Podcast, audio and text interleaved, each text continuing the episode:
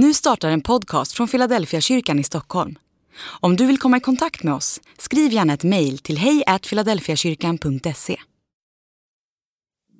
Dag 341. Lyft blicken. Så ska ni be. Vår far, du som är i himmelen. Matteus kapitel 6 och vers 9. Jesus inleder bönen med att säga Fader vår som är i himmelen.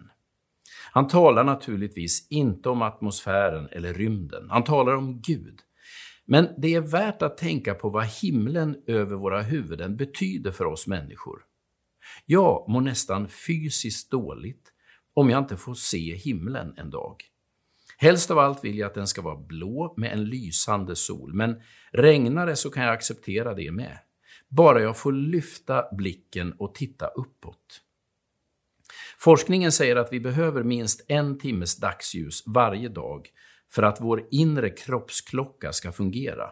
Om vi inte utsätts för dagsljus varje dag så kommer vår dygnsrytm att rubbas, liksom vår hormonbalans. Vi är helt enkelt beroende av himlen och dagsljuset för att må bra.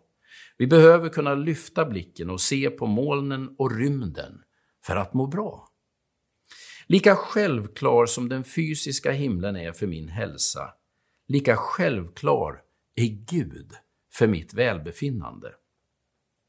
När Jesus inleder med att tala om vår far som är i himlen, då menar han att Gud är lika avgörande för vår överlevnad som himlen är för vår hälsa.